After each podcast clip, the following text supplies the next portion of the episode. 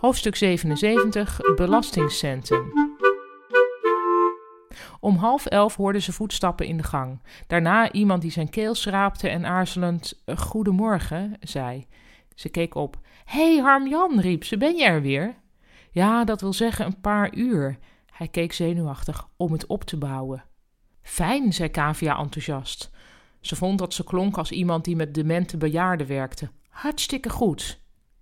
Oké, zei Harmjan aarzelend. Hij leek niet te weten of hij moest blijven staan of al weg mocht. Laten we anders even samen lunchen zo, zei Kavia om het gesprek positief af te ronden. Oké, zei Harmjan weer en hij liep onzeker naar de trap. Hij had een wat te korte broek aan, wat Kavia aandoenlijk vond. Toen hij weg was, zei Kim: Grappig, hij komt toch nooit hallo zeggen? Hij gaat altijd rechtstreeks naar boven. Moet hij van zijn coach, riep Ruud. Sociale verbanden aangaan, is goed tegen de burn-out. Echt waar? vroeg Kim geïnteresseerd.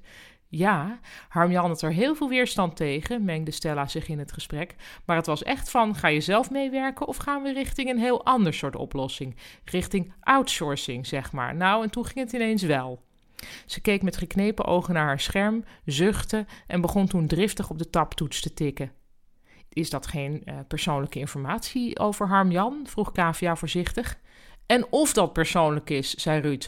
Maar we betalen hier allemaal mee aan zijn herstel.